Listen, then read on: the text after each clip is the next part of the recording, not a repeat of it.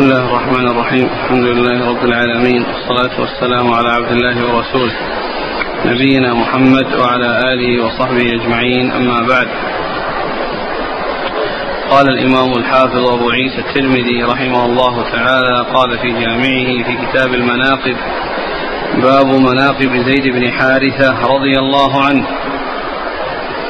قال حدثنا سفيان بن وكيع قال حدثنا محمد بن بكر عن ابن جريج عن زيد بن أسلم عن أبيه عن عمر رضي الله عنه أنه فرض لأسامة بن زيد رضي الله عنهما في ثلاثة آلاف وخمسمائة وفرض لعبد الله بن عمر رضي الله عنهما في ثلاثة آلاف. قال عبد الله بن عمر لأبيه لما فضلت أسامة علي؟ فوالله ما سبقني إلى مشهد قال لأن زيدا كان أحب إلى رسول الله صلى الله عليه وآله وسلم من أبيك وكان أسامة أحب إلى رسول الله منك. فآثرت حب رسول الله صلى الله عليه وسلم على حبي. قال هذا حديث حسن غريب. بسم الله الرحمن الرحيم. الحمد لله رب العالمين وصلى الله وسلم وبارك على عبده ورسوله. نبينا محمد وعلى آله وأصحابه أجمعين. أما بعد فيقول الإمام الترمذي رحمه الله في جامعه باب في مناقب زيد بن حارثة رضي الله عنه. وقد ورد فيه أحاديث أولها هذا الحديث عن عمر أنه قس أنه فرض في الفي وعندما يوزع من بيت المال لأسامة بن زيد ثلاثة آلاف وخمسمائة ثلاثة آلاف وخمسمائة وفرض لعبد الله بن عمر ثلاثة آلاف أي أنه ينقص عنه بخمسمائة. فقال ابن عمر لعمر رضي الله تعالى عنهما إن إنك فرضت لزيد بن حارثة لأسامة بن زيد. هذا المقدار وفرضت لي ما هو أقل منه ب 500 وأنني أنه ما سبقني إلى مشهد من المشاهد. يعني في في غزوة من الغزوات. فقال إن زيدا إن إن إن أن زيدا كان أحب إلى رسول الله من أبيك وإن أسامة أحب وإن أسامة نعم أحب إلى الرسول صلى الله عليه وسلم منك. وإن أسامة أحب إلى إلى رسول الله صلى الله عليه وسلم منك فآثرت محبة رسول الله صلى الله عليه وسلم على محبة أبيك. فهذا فيه التفاوت بين الناس في الخراج وفي ما يوزع من بيت المال وأن عمر رضي الله عنه فرض لهذا لأسامة بن زيد أكثر مما فرض لابنه عمر عبد الله بن عمر. وكان جوابه أن زيدا أحب إلى رسول الله من أبيك اي اللي هو عمر وأسامة أحب إلى رسول الله صلى الله عليه وسلم منك. وهذا الحديث فيه ضعف في إسناده من جهة سفيان بن وكيع ومن جهة تدريس ابن جريج وأنه روى بالعنعنة فهو غير ثابت عن رسول الله صلوات الله وسلامه وبركاته عليه ومعلوم أن الأحاديث الكثيرة التي جاءت عن رسول الله عليه الصلاة والسلام أن حب الناس إلى رسول الله عليه الصلاة والسلام أبو بكر ثم عمر فهو مخالف أيضا لتلك الأحاديث الكثيرة التي ثبتت في محبة الرسول عليه الصلاة والسلام لعمر وأنه لا يسبقه في ذلك إلا أبو بكر رضي الله عنه فإن أحب الناس إلى رسول الله عليه الصلاة والسلام من الرجال أبو بكر ثم عمر. فالحديث في إسناده ضعف وفيه أيضا مخالفة لما صح ولما ثبت من كون عمر رضي الله عنه هو الأحب إلى رسول الله عليه الصلاة والسلام بعد أبي بكر الصديق رضي الله تعالى عن الجميع. نعم. قال حدثنا سفيان بن وكيع. سفيان بن وكيع هو صدوق ابتلي بوراق له أدخل في حديثه ما ليس منه.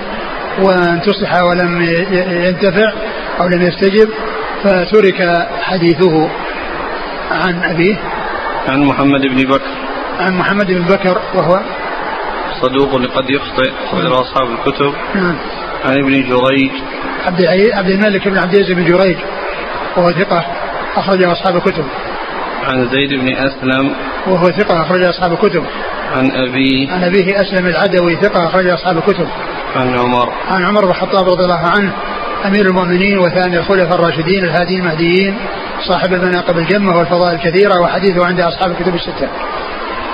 قال حدثنا قتيبة قال حدثنا يعقوب بن عبد الرحمن عن موسى بن عقبة عن سالم بن عبد الله بن عمر عن أبيه رضي الله عنه قال ما كنا ندعو زيد بن حارثة رضي الله عنه إلا زيد بن محمد حتى نزلت ادعوهم لآبائهم هو أقسط عند الله. قال هذا حديث صحيح. ثم أورد هذا الحديث عن عبد الله بن عمر أنهم ما كانوا يدعون زيد بن حارثة إلا زيد بن محمد بالنسبة إلى رسول الله صلى الله عليه وسلم. وهذا قبل أن ينزل التحريم التبني والنسبة إلى غير الآباء. فلما نزل ذلك تركوا تركوا ذلك ونسبوه إلى أبيه فقالوا زيد بن حارثة لأن لأن لأن النسبة بالتبني كانت موجودة من قبل ولكنها حرهت ومنع منها كما جاء في ذلك القرآن الكريم. ابن عمر رضي الله عنه يقول ما كنا ندعوه إلا زيد بن محمد. يعني اللي هو محمد رسول الله صلى الله عليه وسلم. وهذا يدل على فضله. وقربه من رسول الله عليه الصلاة والسلام وأنه كان ينسب إليه. حتى جاء المنع من ذلك وأمروا بأن يدعوهم إلى لآبائهم وأن ينسبوهم إلى ابائهم إلى آبائهم. لكن القرب من رسول الله صلى الله عليه وسلم والمحبة والاحتفاء آه، به من رسول الله صلى الله عليه وسلم هذا مستمر وحاصل. وهذا أورده الترمذي في مناقبه لأن هذه منقبة له. كون النبي صلى الله عليه وسلم تبناه وأنه كان ينسب إليه وله منزلة عالية عنده ثم بعد ذلك منع. نسخ هذا الحكم ومنع من نسبة آه، الرجال أو إلى غير آبائهم وأمر بنسبتهم إلى آبائهم آه، هو لا شك دال على فضله رضي الله عنه وأرضاه. نعم. قال حدثنا قتيبة. قتيبة بن سعيد ثقة أخرج أصحاب الكتب. عن يعقوب بن عبد الرحمن. وهو القاري وهو ثقة أخرج له أصحاب الكتب إلا؟ ابن ماجه. نعم. عن موسى بن عقبة. وهو ثقة أخرج أصحاب الكتب. عن سالم بن عبد الله بن عمر. سالم بن عبد الله بن عمر هو ثقة فقيه. أخرج أصحاب الكتب الستة وهو أحد فقهاء المدينة السبعة على أحد الأقوال الثلاثة في السابع منهم. فإن السابع من الفقهاء السبعة فيه ثلاث أقوال. قيل أبو بكر بن عبد الرحمن بن حارث بن هشام وقيل سالم بن عبد الله بن عمر وقيل أبو آه أبو آه سلمة بن عبد الرحمن بن عوف. نعم. عن أبي آه عن أبيه عبد الله بن عمر رضي الله تعالى عنهما وهو أحد العبادلة الأربعة من الصحابة وأحد السبعة المكثرين من حديث رسول الله صلى الله عليه وسلم. قال حدثنا الجراح بن مخلد البصري وغير واحد قالوا حدثنا محمد بن عمر بن الرومي قال حدثنا علي بن مسهر عن إسماعيل بن أبي خالد عن أبي عمرو الشيباني قال أخبرني جبلة بن حارثة رضي الله عنه أخو زيد رضي الله عنه قال قدمت على رسول الله صلى الله عليه وسلم فقلت يا رسول الله ابعث معي أخي زيدا قال هو ذا. قال فإن انطلق معك لم أمنعه قال هذه الثانية زائدة لأنها لا تجد لك هذا النصف هو ذا فإن انطلق. قال الثانية زائدة فقلت يا رسول الله ابعث معي أخي زيدا قال هو ذا. فإن انطلق معك لم أمنعه. قال زيد يا رسول الله والله لا أختار عليك أحدا. قال فرأيت رأي أخي أفضل من رأيي. قال هذا حديث حسن غريب لا نعرفه إلا من حديث ابن الرومي عن علي بن مسهر. ثم ورد هذا الحديث في مناقب زيد وهو أنه لما جاء أخوه وطلب منه أن يذهب معه والرسول عليه الصلاة والسلام جعل الخيار لزيد نفسه فاختار الملازمة للرسول صلى الله عليه وسلم وألا يذهب مع أخيه وإنما يبقى ملازما للرسول عليه الصلاة والسلام. عند ذلك قال جبل رضي الله عنه وكان رأيه أحسن من رأيي لكونه هو أراد أن يذهب معه وزيد رضي الله عنه أراد أن يبقى مع الرسول عليه الصلاة والسلام وأن يلازمه وأن يستفيد منه.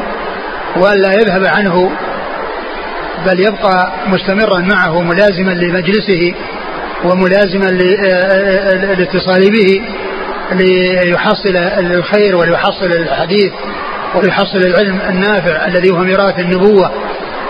كان هذا من مناقب زيد بن حارثة رضي الله عنه. نعم. قال حدثنا الجراح بن مخلد. وهو ثقة أخرج البخاري أخرج البخاري في القدر والترمذي. أخرجه أبو داود في القدر. أبو داود في القدر والترمذي نعم. عن محمد بن عمر بن الرومي. وهذا لين الحديث أخرج له. الترمذي. لكن له متابع وهو من جاب بن الحارث عند الطبراني فإنه روى هذا الحديث عن علي بن مسهر كما رواه عنه هذا ابن الرومي. فإذا لا يؤثر كون ابن الرومي لين الحديث لأنه وجد الحديث من غير طريقة من طريق من جاب بن الحارث وهو ثقة عند الطبراني في الكبير. نعم. عن علي بن مسهر وهو ثقة أخرج أصحاب الكتب. نعم. عن إسماعيل بن أبي خالد وهو ثقة أخرج أصحاب الكتب. عن فيه في تصحيف هنا نعم. نعم فيه إسماعيل عن. إيه يعني هي عن صحفت ابن صحفت إلى عن. وهو إسماعيل بن أبي خالد وليس إسماعيل أبي خالد. نعم. وليس إسماعيل عن أبي خالد. نعم. عن أبي عمرو الشيباني. واسمه سعد بن إياس ثقة أخرج أصحاب الكتب. عن جبلة بن حارثة. رضي الله عنه أخرج له. الترمذي والنسائي. نعم. قال حدثنا أحمد بن الحسن قال حدثنا عبد الله بن مسلمة عن مالك بن أنس عن عبد الله بن دينار عن ابن عمر رضي الله عنهما أن رسول الله صلى الله عليه وعلى آله وسلم بعث بعثا وأمر عليهم أسامة بن زيد رضي الله عنهما. فطعن الناس في إمارته.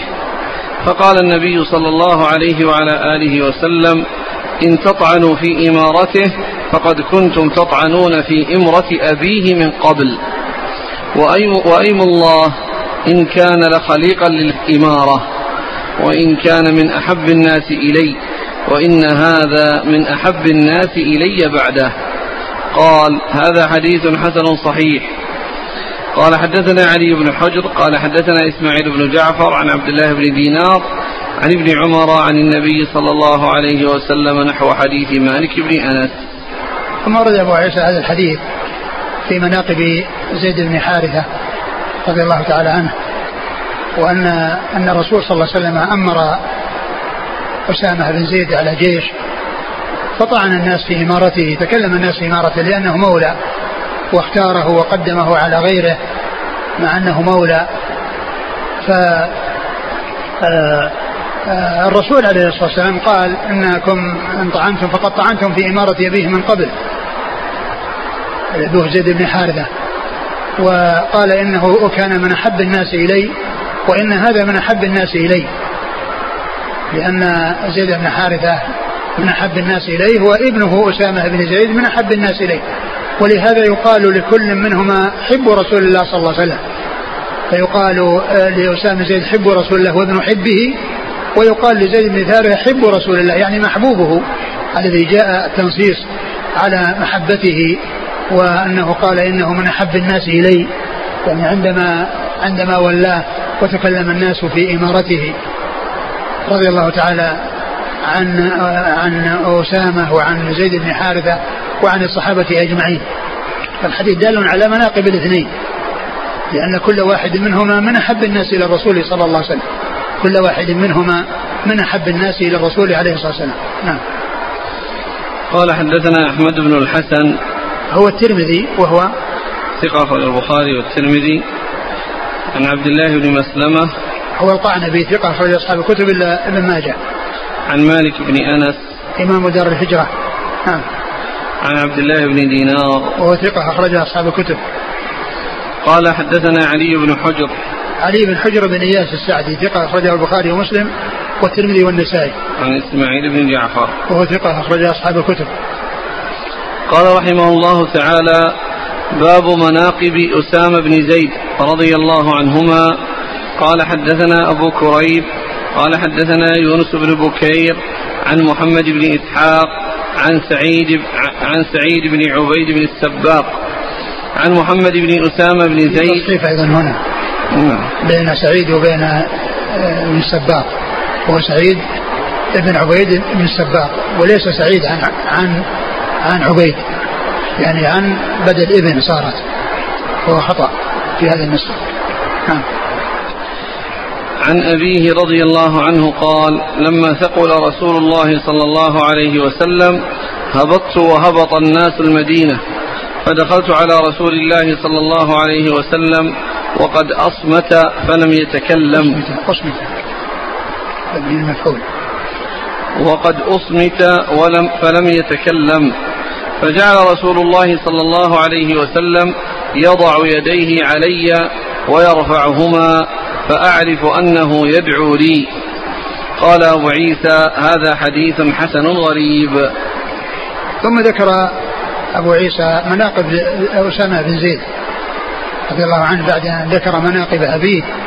وذكر هذا الحديث أنه لما ثقل رسول الله صلى الله عليه وسلم يعني أصابه المرض وثقل في مرضه عليه الصلاة والسلام واشتد به المرض هبط الناس إلى المدينة يعني من أماكنهم العالية مثل العوالي يعني الأماكن المرتفعة يعني هم في المدينة ولكنهم نزلوا يعني إلى رسول الله صلى الله عليه وسلم في منزله.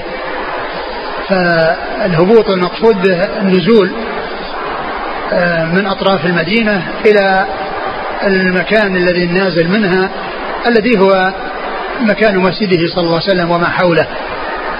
فهذا هو الهبوط أي النزول من أماكن عالية مرتفعة إلى مكان منخفض. فجاءوا إليه وقد أصمت يعني ثقل لسانه ما يستطيع النطق عليه الصلاة والسلام.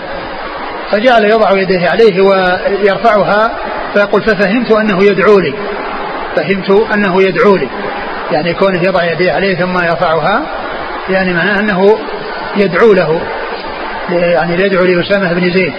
وهذه منقبة من مناقب أسامة بن زيد رضي الله عنه كون النبي صلى الله عليه وسلم دعا له في مرض موته وقد آه، ثقل لسانه ولا يستطيع الكلام عليه الصلاة والسلام وكونه يعني يدعو له في هذه الحال دال على فضله رضي الله عنه وأرضاه. نعم. قال حدثنا أبو كريب. محمد بن العلاء بن كريب ثقة أخرج أصحاب الكتب. عن يونس بن بكير. وهو صدوق أخرج له. البخاري تعليقا ومسلم وابو داود والترمذي وابن ماجه نعم عن محمد بن اسحاق وهو صدوق أخرج له البخاري تعليقا ومسلم وأصحاب السنن. وهو وهو مدلس. وقد صرح بالتحديث في مسند الإمام أحمد. وقد صرح بالتحديث في مسند الإمام أحمد فزال احتمال التدليس. عن سعيد بن عبيد بن السباق. وهو ثقة أخرج له. أبو داود والترمذي وابن ماجه. نعم. عن محمد بن أسامة بن زيد. وهو ثقة أخرجه الترمذي والنسائي. نعم. عن أبيه عن أبيه أسامة بن زيد رضي الله تعالى عنهما وقد أخرج حديث أصحاب الكتب الستة. قال حدثنا الحسين بن حريث قال حدثنا الفضل بن موسى عن طلحة بن يحيى عن عائشة بنت طلحة عن عائشة أم المؤمنين رضي الله عنها أنها قالت أراد النبي صلى الله عليه وعلى آله وسلم أن ينحي مخاط أسامة. قالت عائشة حتى أكون أنا الذي أفعل. قال يا عائشة أحبيه فإني أحبه. قال هذا حديث حسن غريب. ثم أورد أبو عيسى هذا الحديث في في فضل أسامة بن زيد وأنه يحب يحبه صلى الله عليه وسلم وأن الله تعالى يحبه. فيقول إنه أراد أن ينحي يعني بصاق يعني أسامة بن زيد يعني كان في مكان يعني بصق فيه فالرسول أراد أن ينحيه. فقالت أنا أتولى ذلك يا رسول الله؟ فقال أحبيه فان فإني أحبه. فإني أحبه؟ مم. فإني أحبه. قال أحبيه فإني أحبه. أمرها بأن تحبه وأخبرها بأنه هو يحبه عليه الصلاة والسلام. ورضي الله تعالى عن أسامة بن زيد وعن الصحابة أجمعين. فهو دال على فضله كون النبي صلى الله عليه وسلم يأمرها بحبه وكذلك أيضا يخبر بأنه هو يحبه عليه الصلاة والسلام. هذا من الأدلة الدالة على فضله. ومنها الحديث الذي سبق في مناقب أبيه الذي قال وإن أبوه يعني أبوه من أحب الناس إلي وإنه من أحب الناس إلي. نعم. فذاك أيضا الذي مر في فضله وفضل أبيه. نعم. أن ينحي مخاط أسامة. نعم. يعني مخاط يعني كان في في جدار أو في يعني يعني يحك أو يزيله. نعم. أنه قال المخاط ما يسيل من الأنف. اي نعم. ما يصير من الأنف. يعني فكان يعني إنه وقع يعني في على مكان. يعني ولا لو كان يعني يعني عليه هو فهو الذي يزيله هو بنفسه لكن يمكن في مكان أو وقع في مكان. نعم. قال حدثنا الحسين بن حريث هو ثقة أخرج أصحاب الكتب إلا البخاري. بن ماجه. إلا ابن ماجه نعم. عن الفضل بن موسى. هو السيناني ثقة أخرج أصحاب الكتب. عن طلحة بن يحيى. وهو ثقة. صدوق يخطئ. وهو صديق يخطئ أخرج له. مسلم وأصحاب السنن. نعم. عن عائشة بنت طلحة. وهي ثقة أخرج أصحاب الكتب. عن عائشة أم المؤمنين. رضي الله عنها وأرضاها. نعم.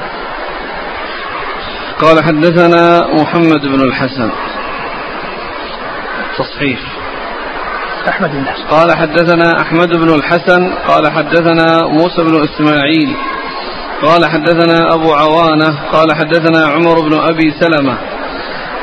عمر بن أبي سلمة بن عبد الرحمن عن أبيه قال أخبرني أسامة بن زيد رضي الله عنهما قال كنت جالسا عند النبي صلى الله عليه وسلم إذ جاء علي والعباس رضي الله عنهما يستأذنان. فقال يا أسامة استأذن لنا على رسول الله صلى الله عليه وسلم. فقلت يا رسول الله علي والعباس يستأذنان. فقال أتدري ما جاء بهما؟ قلت لا أدري. فقال النبي صلى الله عليه وسلم لكني أدري. فأذن لهما فدخلا. فقال يا رسول الله جئناك نسألك أي أهلك أحب إليك؟ قال فاطمة بنت محمد رضي الله عنها. فقال ما جئناك نسألك عن أهلك؟ قال أحب أهلي إلي من قد أنعم الله عليه وأنعمت عليه. أسامة بن زيد. قال ثم من؟ قال ثم علي بن أبي طالب. قال العباس يا رسول الله جعلت عمك آخرهم؟ قال لأن عليا قد سبقك بالهجرة. قال هذا حديث حسن صحيح. إيش بعده؟ في نسخة في نسخة ثانية. هذا حديث حسن وكان شعبة يضعف عمر بن أبي سلمة. يعني كلمة صحيح توجد في هذه النسخة. وإنما في النسخ الأخرى حسن وفيه زيادة الجملة وكان شعبة يضعف عمر بن أبي سلمة.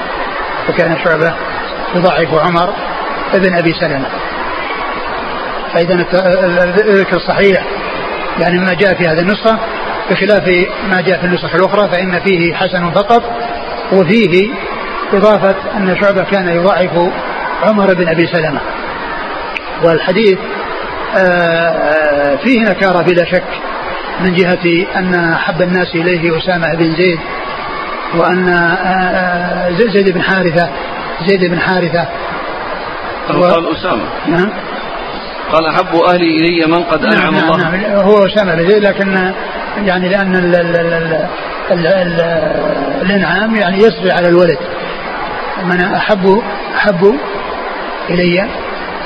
قال أحب أهلي إلي من قد أنعم الله عليه وأنعمت عليه. أسامة بن زيد. نعم. يعني كون الرسول صلى الله عليه وسلم قال أن أحب أهله إليه يعني هو أسامة بن زيد من أنعم الله عليه وأنعمت عليه هو الذي نزل به القرآن هو أبوه. أبوه هو الذي نزل والرسول أعتقه. ومن المعلوم أن أن النعمة تسري على الأبناء.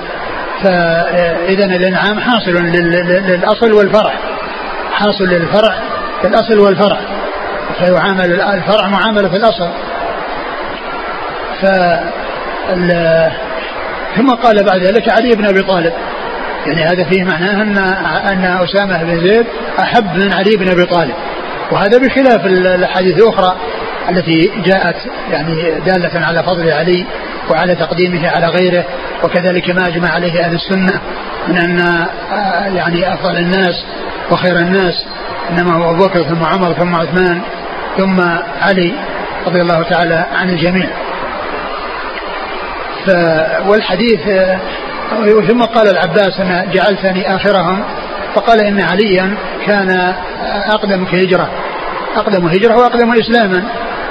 ولا شك أن عليا كان أفضل من العباس وهو أفضل أهل البيت آه، لأنه آه، أفضل الأمة بعد أبي بكر وعمر وعثمان رضي الله تعالى عن الصحابة أجمعين. و ولكن العباس أقرب من حيث النسب أقرب من حيث النسب ولكن من حيث الفضل والمحبة إنما هي علي لا شك أنه مقدم على غيره لأنه لا يسبقه في الصحابة إلا ثلاثة أبو بكر وعمر وعثمان رضي الله تعالى عن الجميع. هذا المتن. عن أسامة بن زيد قال كنت جالسا عند النبي صلى الله عليه وسلم إذ جاء علي والعباس يستأذنان. يعني كان جالس ويعني آه، الرسول عليه الصلاة والسلام يعني يستأذن عليه في بعض الأحيان. فجاء العباس وعلي يستأذنان فقال له أتدري ما جاء بهما؟ قال لا أدري. قال لكني أدري إذن لهما. فدخل وسأل أي أهلك أحب؟ فقال فاطمة. قالوا ما ليس عن هذا نسألك يعني ما نسألك عن النساء. فإنما نسألك عن الرجال. فقال من أنعم الله عليه وأنعمت عليه. وكان من أهله لأنه كان ينسب إليه بالتبني. وكان يعني آه، له به اتصال وله به حظوة ومعلوم أن التبني منع وانتهى. وكان الناس ينسبون إلى آبائهم لكن القرب والمودة والصلة الوثيقة بقيت مستمرة. ولهذا زيد رضي الله زيد بن حارثة آثر أن يبقى مع رسول الله عليه الصلاة والسلام وأن يستمر في ملازمته على أن يذهب مع أخيه جبلة كما مر في الحديث السابق. نعم. والحديث في إسناده عمر بن أبي سلمة وقد آه، هو الذي ضعف به الحديث وقد آه، والحديث الحافظ الحديث قال صدوق يخطئ ولكن الكلام في ترجمته آه، كله تضعيف. غالب عليه التضعيف والثناء عليه يعني يعني خفيف جدا. يعني منهم من قال صالح ومنهم وثقه ابن حبان ذكر ابن حبان في الثقات. وأما الكلام كلام الأئمة فيه فهو تضعيفه. نعم. قال حدثنا أحمد بن الحسن عن موسى بن إسماعيل. موسى بن إسماعيل التبوذكي وهو ثقة اخرج أصحاب الكتب. عن أبي عوانة الوضاح بن عبد الله اليشكري ثقة اخرج أصحاب الكتب. عن عمر بن أبي سلمة بن عبد الرحمن. نعم. وهو صدوق قال عن حافظ صدوق يخطئ. البخاري تعليقا وأصحاب السنن. نعم. عن ابيه ابيه أبو سلمة بن عبد الرحمن بن عوف ثقة فقيه اخرج أصحاب الكتب. عن أسامة بن زيد. رضي الله تعالى عنهما أخرج له أصحاب الكتب. قال رحمه الله تعالى باب مناقب جرير بن عبد الله البجلي رضي الله عنه. قال حدثنا أحمد بن منيع قال حدثنا معاوية بن عمرو الأزدي قال حدثنا زائدة عن بيان عن قيس بن أبي حازم عن جرير بن عبد الله رضي الله عنه أنه قال ما حجبني رسول الله صلى الله عليه وسلم منذ أسلمت ولا رآني إلا ضحك. قال هذا حديث حسن صحيح. ثم ابو عيسى رحمه الله مناقب جرير بن عبد الله البجلي رضي الله عنه. وفيه أن جريرا رضي الله عنه قال ما حجبني رسول الله صلى الله عليه وسلم منذ اسلمت وما رآني إلا ضحك. وقوله ما حجبني يعني معناها أنه يعني آه، يأذن له. كلما استأذن فإنه يأذن له. لكن لا يعني ذلك أنه يعني يرى أهله فإنه يدخل ولا يرى أهله. يعني بأن يكون يعني يكون هناك حاجز أو هناك فاصل أو يكون الاحتجاب منهن حاصل. آه وما رآني إلا ضحك. يعني تبسم عليه الصلاة والسلام وكان جريرا آه يعني مطاعا في قومه وسيدا ومعروفا بالسعدد في قومه. شوف إيش قال الشارع فيه في ترجمته. نعم. قال جرير بن عبد الله بن جابر بن مالك البجلي وكنيته أبو عمرو. نزل الكوفة ثم نزل قرقيسيا. وبها مات سنة إحدى وخمسين. وكان سيدا مطاعا مليحا طوالا بديع الجمال. صحيح الإسلام كبير القدر. قال صلى الله عليه وسلم على وجهه مسحة ملك. أو ملك. أو مسح على وجهه مسحة ملك. الجمال. نعم. وعن عمر رضي الله عنه قال إنه يوسف هذه يعني الأمة. الملائكة معروفين بالجمال. لما جاء في قصة ما هذا ما هذا بشر ما هذا بشر هذا إلا ملك كريم.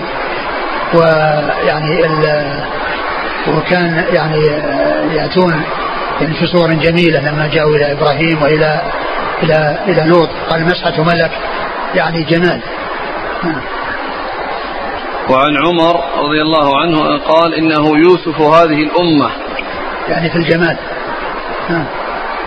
ولما دخل على رسول الله صلى الله عليه وسلم أكرمه وبسط له رداءه وقال إذا أتاكم كريم قوم فأكرموه.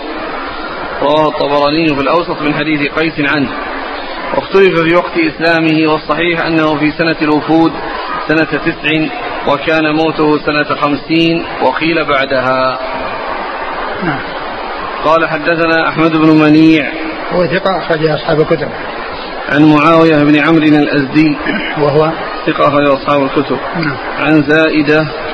ابن قدامة ثقة أخرج أصحاب الكتب. عن بيان. وابن بشر ثقة أخرج أصحاب الكتب. عن قيس بن أبي حازم. وثقة أخرج أصحاب الكتب. عن جرير بن عبد الله. عن جرير بن عبد الله رضي الله تعالى عنه. وقد أخرج أصحاب الكتب. وقيس بن أبي حازم هو أحمسي. يعني من من من من من, من, من قوم جرير بن عبد الله الأحمسي البجلي. وقيس بن أبي حازم هذا هو الذي قيل إنه اتفق له أن يروي عن العشرة المبشرين بالجنة لأنه ثقة مخضرم أدرك الجاهلية والإسلام ولم يلقى النبي صلى الله عليه وسلم. قال حدثنا أحمد بن منيع قال حدثنا معاوية بن عمرو قال حدثنا زائدة عن إسماعيل بن أبي خالد عن قيس عن جرير رضي الله عنه قال ما حجبني رسول الله صلى الله عليه وسلم منذ أسلمت ولا رآني إلا تبسم. قال هذا حديث حسن. هذا مثل الذي قبله. قال رحمه الله تعالى فيه, فيه إسماعيل بن أبي خالد. مر. لا أقول هو فيه إسماعيل يعني في الإسناد الأول هو نفسه إلا أن فيه زياده إسماعيل بن أبي خالد وقد مر. نعم. هذا أعلى. نعم. كم؟ هناك لأن في زياء بين بين زائدة فيه بيان عن قيس بن أبي حازم عن جرير. لا هنا. يعني مساوي يعني بدل معي. نعم. بدل البيان إسماعيل. قال رحمه الله تعالى باب مناقب عبد الله بن عباس رضي الله عنهما. قال حدثنا محمد بن بشار قال ومحمود بن غيلان.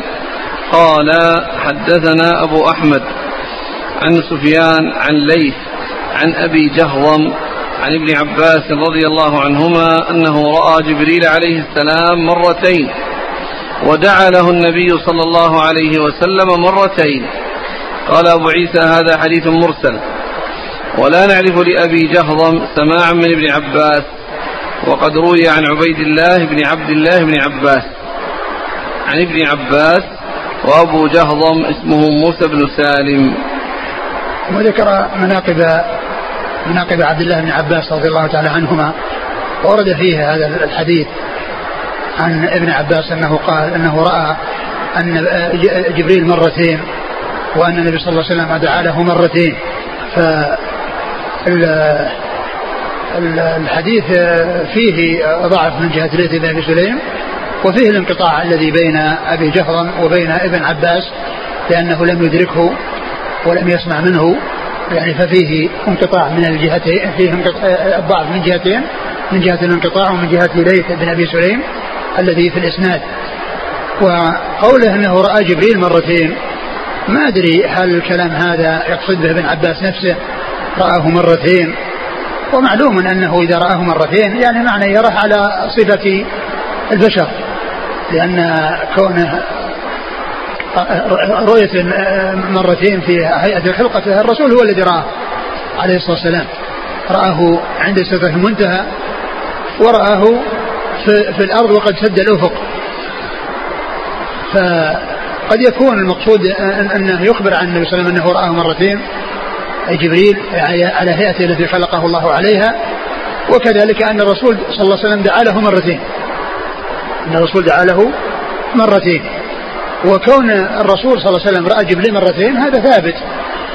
رآه مرة في السماء عند سدر المنتهى لما عرج به ليلة المعراج ورآه في الأرض وقد سد الأفق وله 600 جناح. وله 600 جناح. لضخامته وكبر حجمه على هيئته التي خلقه الله عليها.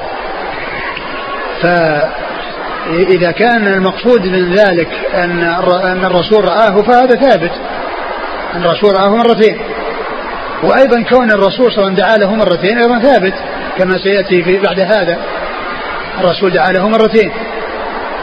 ولكن الإسناد آه، كما قلت فيه الضعف من جهتين من جهة الانقطاع ومن جهة ليث بن أبي سليم. وهذا الإرسال هو الإرسال الذي آه، على خلاف المشهور عند المحدثين لأن المشهور عند المحدثين أن يقول التابعي قال رسول الله صلى الله عليه وسلم كذا. ويطلق المرسل على المنقطع. يعني كما يقولون عندما يأتي في التراجم يرسل فلان يرسل. يعني من التابعين وأتباع التابعين يقال إنه يرسل يعني معناه يروي عن عن من فوقه وعن من لم يلقه. يعني فيكون فيه سقوط وسائط بينه وبين يروي عنه. والارسال غير التدليس. التدليس يروي عن شيخه ما لم يسمع عنه وهذا يروي عن من ليس من شيخه. من ليس شيخا له ومن لم يدركه. فهذا قال أنه مرسل لأن ابا لم لم يدرك ابن عباس. فهو من المرسل بمعنى الآخر الذي هو اعم من المشهور عند المحدثين في إطلاق المرسل وأنه ما قال فيه التابعي قال رسول الله صلى الله عليه وسلم. وهنا منسوب الكلام إلى ابن عباس. والانقطاع أو الإرسال هو من أبي جهضم آه، حيث ذكر ابن عباس وهو لم يدركه. وبينه وبينه وسائط نعم. قال حدثنا محمد بن بشار هو الملقب بن دار ثقة أخرج أصحاب الكتب. ومحمود بن غيلان. هو ثقة أخرج أصحاب الكتب إلا أبا داود. عن أبي أحمد. ومحمد بن عبد الله بن الزبير ثقة أخرج أصحاب الكتب. عن سفيان. هو الثوري ثقة أخرج أصحاب الكتب.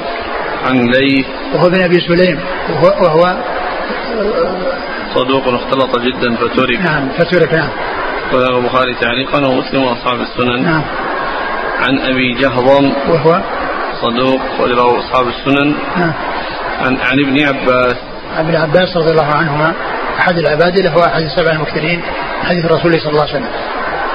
قال وقد روي عن عبيد الله بن عبد الله بن عباس عن ابن عباس. هذا ما يوجد إلا في هذا النسخة. والنسخ الأخرى لا يوجد فيها هذا الكلام. هذه العبارة. قال حدثنا محمد بن حاتم المكتب المؤدب. وش قال عبيد الله؟ من هو؟ عبيد الله. بن عبد الله بن عباس. عبيد الله بن عبد الله؟ نعم. عن أبيه؟ عن ابن عباس. نعم عبيد الله بن عبد الله وش وش فيه؟ ما له ترجمة. ما له ترجمة؟ عبيد الله بن عبد الله؟ اي نعم. على كل إن النسخ الأخرى لا يوجد فيها هذا الكلام. الأخير. نعم. قال حدثنا محمد بن حاتم المكتب المؤدب. قال حدثنا القاسم بن مالك المزني. عن عبد الملك بن أبي سليمان عن عطاء عن ابن عباس رضي الله عنهما أنه قال دعا لي رسول الله صلى الله عليه وسلم أن يؤتيني الحكمة مرتين. قال أبو عيسى هذا حديث حسن غريب من هذا الوجه من حديث عطاء وقد رواه عكرمة عن ابن عباس. ثم ذكر هذا الحديث عن عباس أن النبي صلى الله عليه وسلم دعا له أن يؤتيه الحكمة مرتين وهذا يطابق الذي مر أنه دعا له مرتين. وهناك مطلق وهنا, وهنا دعا له أن يؤتيه الحكمة. والحكمة فسرت بتفسيرات عديدة و ومن أقربها أنه آه، الفهم في القرآن. وقد كان رضي الله عنه متميزا في هذا المجال وفي هذا الباب. وكذلك أيضا السنة فإنه من أوعيتها رضي الله تعالى عنه وأرضاه لأن الحكمة تطلق على السنة. و, آه، وهو من السبعة المكثرين من حديث الرسول صلى الله عليه وسلم. من أكثر الصحابة حديثا الذين زادت أحاديثهم على ألف حديث منهم ابن عباس رضي الله عنه. فكونه آه، آه، متمكنا في فهم كتاب الله وكذلك متمكنا في حفظ سنة رسول الله صلى الله عليه وسلم كل ذلك حاصل له رضي الله عنه وأرضاه. نعم. قال حدثنا محمد بن حاتم المكتب. المكتب المؤدب. المكتب يعني اللي يعلم الكتابة يعلم الصبيان الكتابة. والمؤدب الذي يؤدب الصبيان. وهو؟ ثقة أخرجه الترمذي والنسائي. نعم. عن القاسم بن مالك المزني. وهو؟ صدوق فيه لين. نعم. رجل أصحاب الكتب إلا أبا داود. نعم. عن عبد الملك بن أبي سليمان. وهو ثقة. صدوق له أوهام. أخرج له. البخاري تعليقا ومسلم وأصحاب السنن. عن عطاء عن ابن عباس. عطاء بن أبي رباح ثقة أخرج أصحاب الكتب. نعم. قال حدثنا محمد بن بشار قال حدثنا عبد الوهاب الثقفي عن خالد الحذاء عن عكرمة عن ابن عباس رضي الله عنهما أنه قال ضمني رسول الله صلى الله عليه وسلم وقال اللهم علمه الحكمة قال هذا حديث حسن صحيح ثم ورد هذا الحديث عن ابن عباس أنه قال ضمني رسول صلى الله عليه وسلم إليه يعني ضمه إلى صدره وقال اللهم علمه الحكمة. اللهم علمه الحكمة.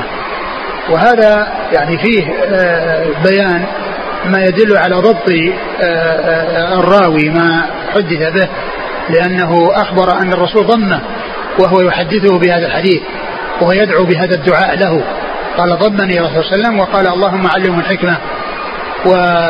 وهذا من مناقب ابن عباس رضي الله تعالى عنه وأرضاه كون الرسول دعا له بهذه الدعوة وقد تحقق ذلك كما هو معروف في فهمه لكتاب الله وفي حفظه وكونه من اوعيه سنة رسول الله صلى الله عليه وسلم ورضي الله تعالى عن ابن عباس وأرضاه.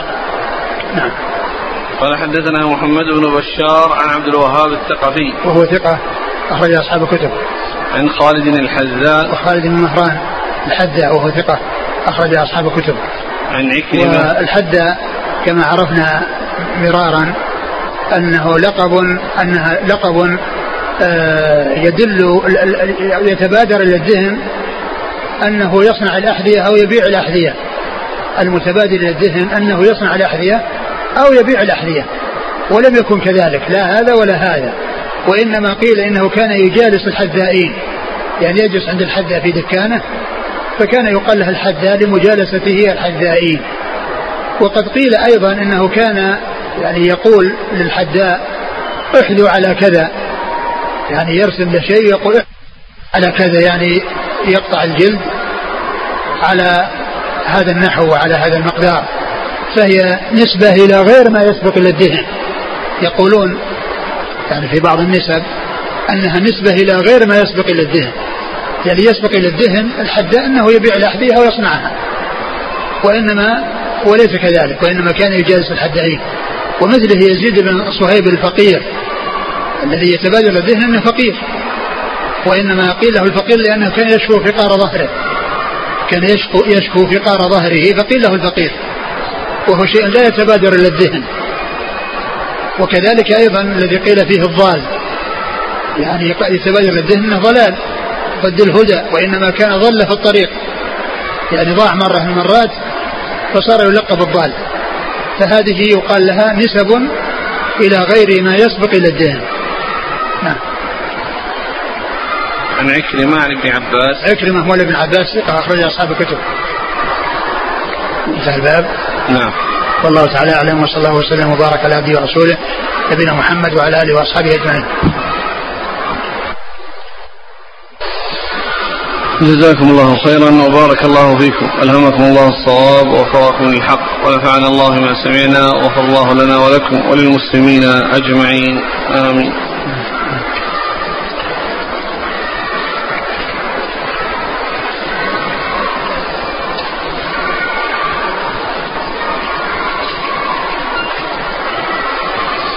يقول السائل من كان ينتسب إلى غير أبيه؟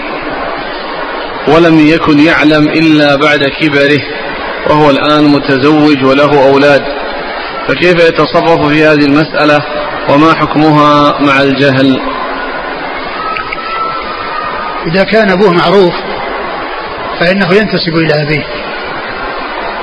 وهذا هو الواجب. وأما إذا كان غير معروف ونسب نسبة آه، يعني يعني ليس له أب يعني ينتسب إليه بحيث أنه يغير إليه فله أن يبقى على ما كان عليه. نعم.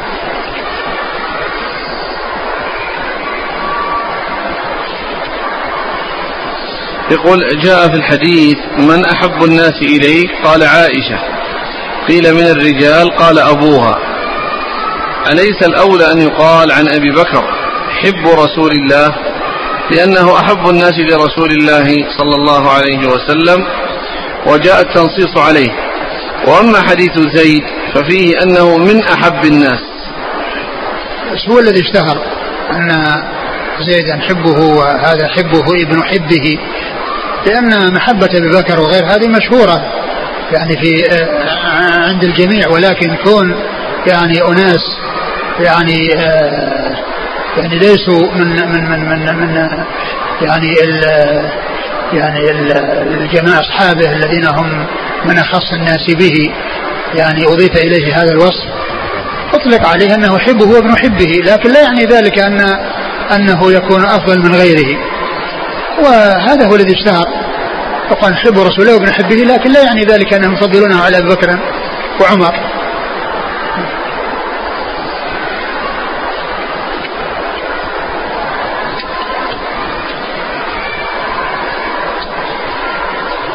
يقول هل كان علي بن أبي طالب رضي الله عنه في جيش أسامة؟ جيش أسامة فيه أبو بكر وعمر. يعني و وغيره وغيره من من وراءهما من باب أولى. لكن يعني ال يعني الرسول لما يعني أنفذ جعله أمير وهؤلاء ولكنه توفي عليه الصلاة والسلام. توفي عليه السلام وابو بكر انفذ جيش أسامة. لكن يعني فيه كبار الصحابة. فإن الرسول صلى الله عليه وسلم أمره وفيهم أبو بكر وعمر.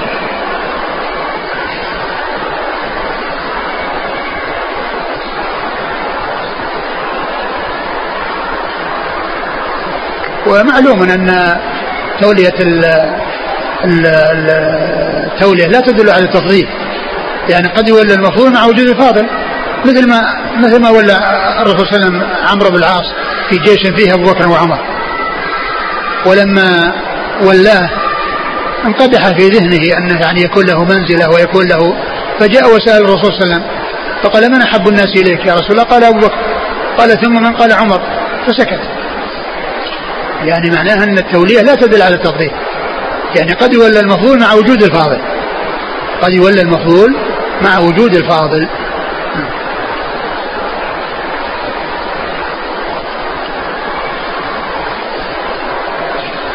يقول ما صحة القصص والمرويات التي تحكى عن عائشة بنت طلحة كما في كتاب الأغاني الأصبهاني وما هي قيمة الكتاب العلمية؟ والله الكتاب هذا فيه يعني في أشياء منه طيبة وقد كتب يعني فيه بعض المؤلفين يعني بيان الأشياء التي التي فيه بيان يعني بيان أشياء سيئة فيه. يعني أفردها بعض المؤلفين في كتاب الأغاني يعني استخرجها من كتاب الأغاني. وأما القصص يعني عن يعني قصص معينة وكذا لا أدري عنها. وعائشة بن طلحة هذه ما كانت يعني بارعة الجمال يعني قالوا من أجمل النساء. نعم. يقول محمد بن إسحاق الذي مر معنا هل هو صاحب المغازي؟ نعم هو صاحب المغازي. في الحديث أراد النبي صلى الله عليه وسلم أن ينحي مخاط أسامة. ألا يحمل على أن أسامة كان صغيرا فأراد أن ينحيه من أنفه؟ يمكن لكن آه، أقول يمكن إذا يعني كونه صغير ما أدري كم سنة يعني يعني شفت في التقريب إيش كان في سنه.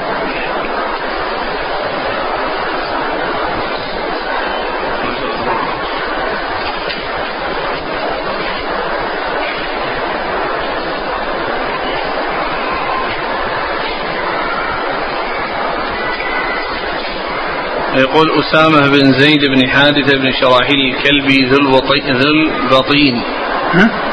ذو البطين أو ذو البطين. الأمير أبو محمد وأبو زيد. صحابي مشهور مات سنة أربع وخمسين وهو ابن خمس وسبعين بالمدينة. مات سنة كم؟ أربع وخمسين. وهو؟ ابن خمس وسبعين. يعني هو كما هو معلوم يعني الرسول صلى الله عليه وسلم يعني أمره يعني معناه أنه كبير يعني ما يقال أنه فطيم وأنه صغير. يعني الرسول يعني أمره جعل جيش فما يقال أنه صغير.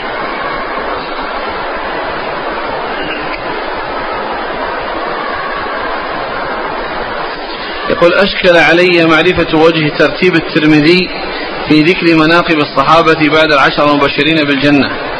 ولماذا أخر الترمذي مناقب أمهات المؤمنين إلى آخر المناقب؟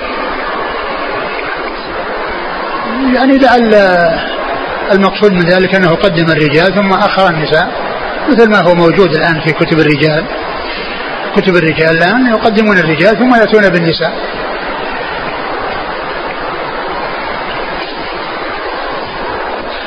قال الشارح تحت حديث عمر في تفضيله لأسامة على ابنه عبد الله قال فيه دليل على أنه لا يلزم من كون أحد أحب أن يكون أفضل. ألا تحمل بقية الأحاديث على هذا فتنفى عنها النكارة؟ الحديث يعني كما هو معلوم هذا اللي هو هذا الحديث الذي في عمر. أعطى ابنه ثلاثة آلاف وأعطى أسامة ثلاثة آلاف هذا اللي فيه الأول ذاك. والأول؟ فيه اللي فيه الانقطاع اللي فيه الضعف الذي فيه وشو؟ سفيان ضعيف سفيان وفيه وغيره. عن محمد بن بكر عن ابن جريج. آه عن عن, عن, جريج نعم. هو غير صحيح.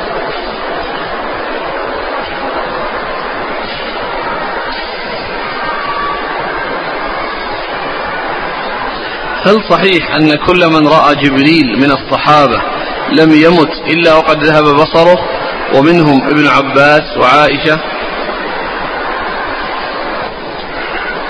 يعني وش وش اللي يجعل هذا صحيح؟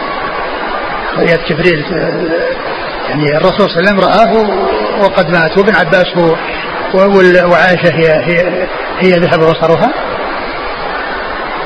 آه، يعني ما نعرف انها ذهب بصرها ثم أيضا هذا الكلام هذا ما يستقيم ليس مستقيم. يعني رؤية جبريل يعني تعمي البصر. مع انهم هم رأوه على هيئته التي خلق على على صورة آدم. على صورة آدم. يعني معناه الجماعة اللي كان فيهم الرسول صلى الله عليه وسلم فيهم عمر. يعني عمر اللي كان رآه. لما جاء على على صورة رجل مشهور والجماعة اللي كانوا موجودين كلهم يعني يعني عمي حصل لهم عمى كل كلام كلام ساقط. عمر رضي الله عنه رآه وهو في حديث جبريل المشهور دخل على رجل شديد كذا شديد بياض الثياب شديد سواد الشعر لا يرى اثر ولا يعرفه من أحد. وكل الحاضرين كانوا رأوه وفيهم عمر رضي الله عنه. عمر ما ما ذكروا أنها وكذلك عائشة ما عرف أنها عميت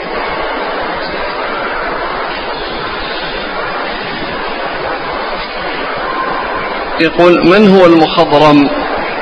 وإذا كان مخضرم من أدرك الجاهلية والإسلام فعلى هذا يكون أبو بكر وعمر وعثمان المخضرمين. نرجو التوضيح. لا أولئك لم يلقوا النبي صلى الله عليه وسلم. لأن الذي يلقى الرسول هو تابع صحابي. لكن الذي أدرك الجاهلية والإسلام ولم يلقى النبي صلى الله عليه وسلم. يعني كان في حياة النبي صلى الله عليه وسلم. كان في حياة النبي صلى الله عليه وسلم موجودا وتوفي رسول وهو لم يره. وهذا عدد كبير. يعني قال هم الحضرمون منهم سويد بن غفلة ومنهم المعرور بن سويد ومنهم الصنابحي ومنهم زر بن حبيش ومنهم قيس بن أبي حازم. عدد. يعني كل هؤلاء يقال من حضرمون أدركوا الجاهلية والإسلام ولم يلقوا النبي صلى الله عليه وسلم. فخرج بذلك الصحابة. أدركوا الجاهلية والإسلام ولم يلقوا النبي عليه الصلاة والسلام. يعني الذي لقي النبي هو صحابي. وهؤلاء ليسوا بصحابه تابعين ولكنهم من كبار التابعين. من كبار التابعين يعتبرون لأنهم أدركوا كبار الصحابة. ولهذا قيس بن أبي حازم وهو من المخضرمين يقال إنه اتفق له أن يروي عن العشره المبشرين بالجنه وأولهم أبو بكر رضي الله عنه الذي توفي سنة 13 13 سنة يعني بعد وفاة الرسول صلى الله عليه وسلم بسنتين.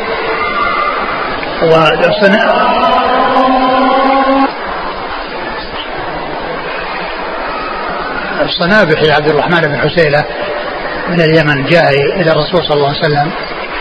ولما كان بالجحفة جاء ناس من المدينة وقالوا أن الرسول صلى الله عليه وسلم توفي. ف يعني في طريقه إلى المدينة ولم يبقى بينه وبين المدينة إلا مسافة يسيرة ولم يلقى النبي صلى الله عليه وسلم. فهو مخضرم. أدرك الجاهلية والإسلام ولم يلقى النبي صلى الله عليه وسلم. كذلك آخر معدي هو سيد غفلة وكذا. يعني جاء وقد دفن النبي صلى الله عليه وسلم. لهذا قيل في قيل فيها وفي غيره كاد أن يكون صحابيا. كاد أن يكون صحابيا. ما بينه وبين الصحبه إلا شيء يسير. لأن الرسول توفي وهو لم يعني لم يلقه وقد جاء إليه. شوف ترجمة سويد بن غفله تقريب هل ذكر هذا؟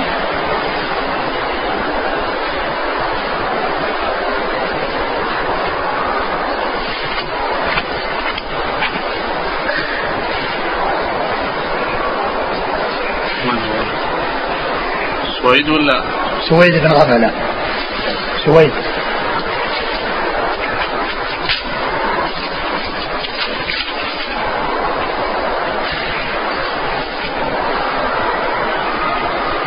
قدم المدينة يوم دفن النبي صلى الله عليه وسلم.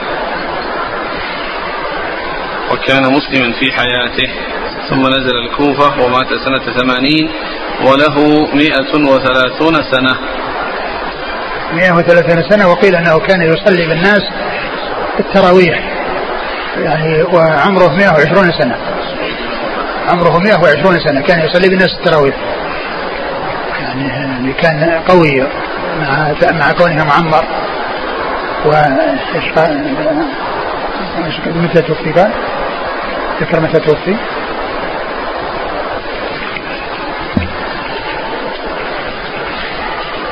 يعني هذا يعني جاء المدينة يوم دفن النبي صلى الله عليه وسلم. ما رأى. ولهذا قال بعضهم كاد أن يكون صحابيا. كاد أن يكون صحابيا. توفي سنة ثمانين. ثمانين؟ ها؟ نعم. ثمانين. يعني معناه أنها يعني في يعني خمسين سنة. هذه قبل الهجرة. خمسين سنة. يعني ثمانين من الهجرة. يعني سنة 80 يعني معناه 50 سنة يعني كان في يعني متقدم يعني في في الجاهلية. لكن يعني محل الشاهد كون الرسول صلى الله عليه وسلم أنه قدم المدينة في اليوم الذي دفن فيه النبي صلى الله عليه وسلم. فما كان صحابيا. ولهذا قيل كاد أن يكون صحابيا. ما بينه وبين الصحبه إلا شيء يسير.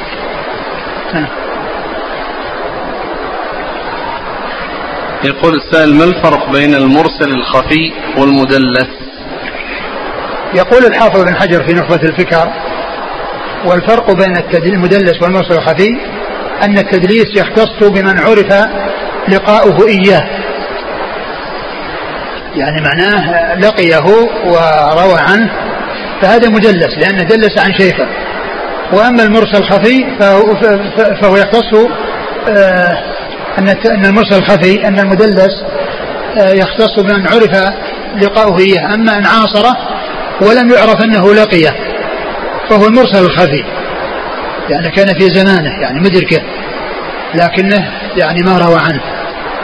فروايته مرسل خفي قال له لأنها يعني قد إذا إذا إذا نظر في حياته وفي زمنه يعني يقول إنه أدركه فيحتمل أن يكون روى عنه. فالمرسل الخفي آه، عاصره ولم يعرف أنه لقيه نعم. وقد روى عنه. روى عنه وقد عاصره ولم يعرف أنه لقيه نعم. يقول كيف نرد على من يعتقد أن أبا بكر وعمر رضي الله عنهما لا يمكن أن يقع منهم الكبائر؟ ويقول بعصمتهما عن الكبائر. لا لا يقال في أحد من غير الأنبياء عليهم السلام أنهم معصومون. العصمة إنما هي خاصة بالأنبياء وأما غيرهم فلا تقال في حقه لا يقال في حقه العصمة. وأبو بكر رضي الله عنه وعمر لا شك أنهم خير الناس وأفضل الناس وأسبق الناس إلى كل خير وأحرص الناس على كل خير لكن لا تدعى العصمة في حق أحد غير الأنبياء.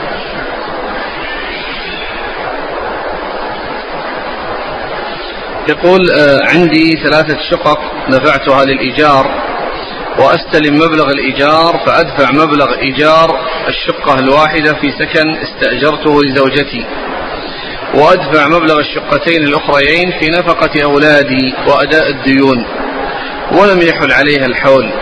فهل هذا المبلغ عليه زكاة؟ ليس عليه زكاة. ما دام أنه ما حل عليه الحول ليس إذا كنت تأخذ جار الشقق وتدفع منها جار شقة والباقي تنفقونه ثم يأتي الحول ولم يبقى هناك شيء فإنه لا زكاة. ما حكم التأمين على الحياة؟ هذا من الأمور المحدثة الأمور الجديدة التي لا تسوق ولا تجوز. ذكر حديث بإسناده في مسند الإمام أحمد. قال عبد الله بن الإمام حدثني أبي. قال حدثنا يحيى. قال حدثنا ابن عجلان. قال حدثنا وهب بن كيسان. قال مر أبي على أبي هريرة. مر أبي؟ هكذا. ها. أبي ولا أبي؟ ها وش بعد مر أبي على أبي هريرة فقال أين تريد؟ قال غنيمة لي. قال نعم. امسح. ظهر رغامها وكتب بالعين. امسح رعامها ظهر رغامها. وأطب مراحها. وصل في جانب مراحها. فإنها من دواب الجنة. وانسى بها هكذا. فإني سمعت الرسول صلى الله عليه وسلم يقول إنها أرض قليلة المطر. قال يعني المدينة. ولعله كلام الهيثمي قال رجاله ثقات رجال الشيخين غير محمد بن عجلان. محمد بن عجلان صدوق. صدوق أخرجه البخاري تعليقا ومسلم وأصحاب السنة. وروى له مسلم لكن لا أدري هل هو هل هو يعني أصلا ولا متابعة. وش الإشكال؟ وش السؤال؟ السؤال عن صحة الحديث. والله ما أدري عن قضية الكلام اللي فوق هذا اللي في آخر اعلاه يعني قال أبي أبي أو أبي وهب بن كيسان. إيه. شوف أبو كيسان شوف أبو كيسان تقريبا هل له ترجمة لأبيه؟ لأبيه كيسان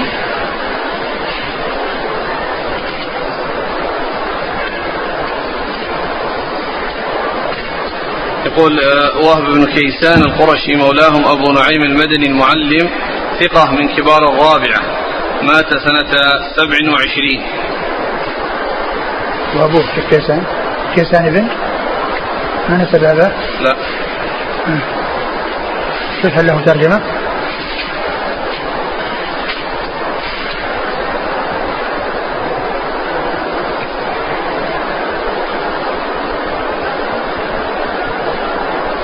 ذكر اثنين ما يكون هم الأول كيسان بن جرير صحابي.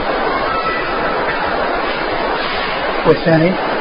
الثاني كيسان أبو سعيد المقبري إيه. غيره. ثم ذكر الثالث قال كيسان القصار هذا من السابعة ما يعني ما قال مر ابي مر أبي على مر أبي بأبي هريرة فقال أين تريد؟ قال لي غنيمة. قال نعم امسح رغامها وأطب مراحها ما أدري عن المقصود يعني هل يعني هل هو أبوها وابي أبي بن كعب؟ ما أدري يرجع إليه. يقول السائل ما حكم الانتساب إلى بلدة غير بلدته الأصلية؟ وذلك للمصلحة.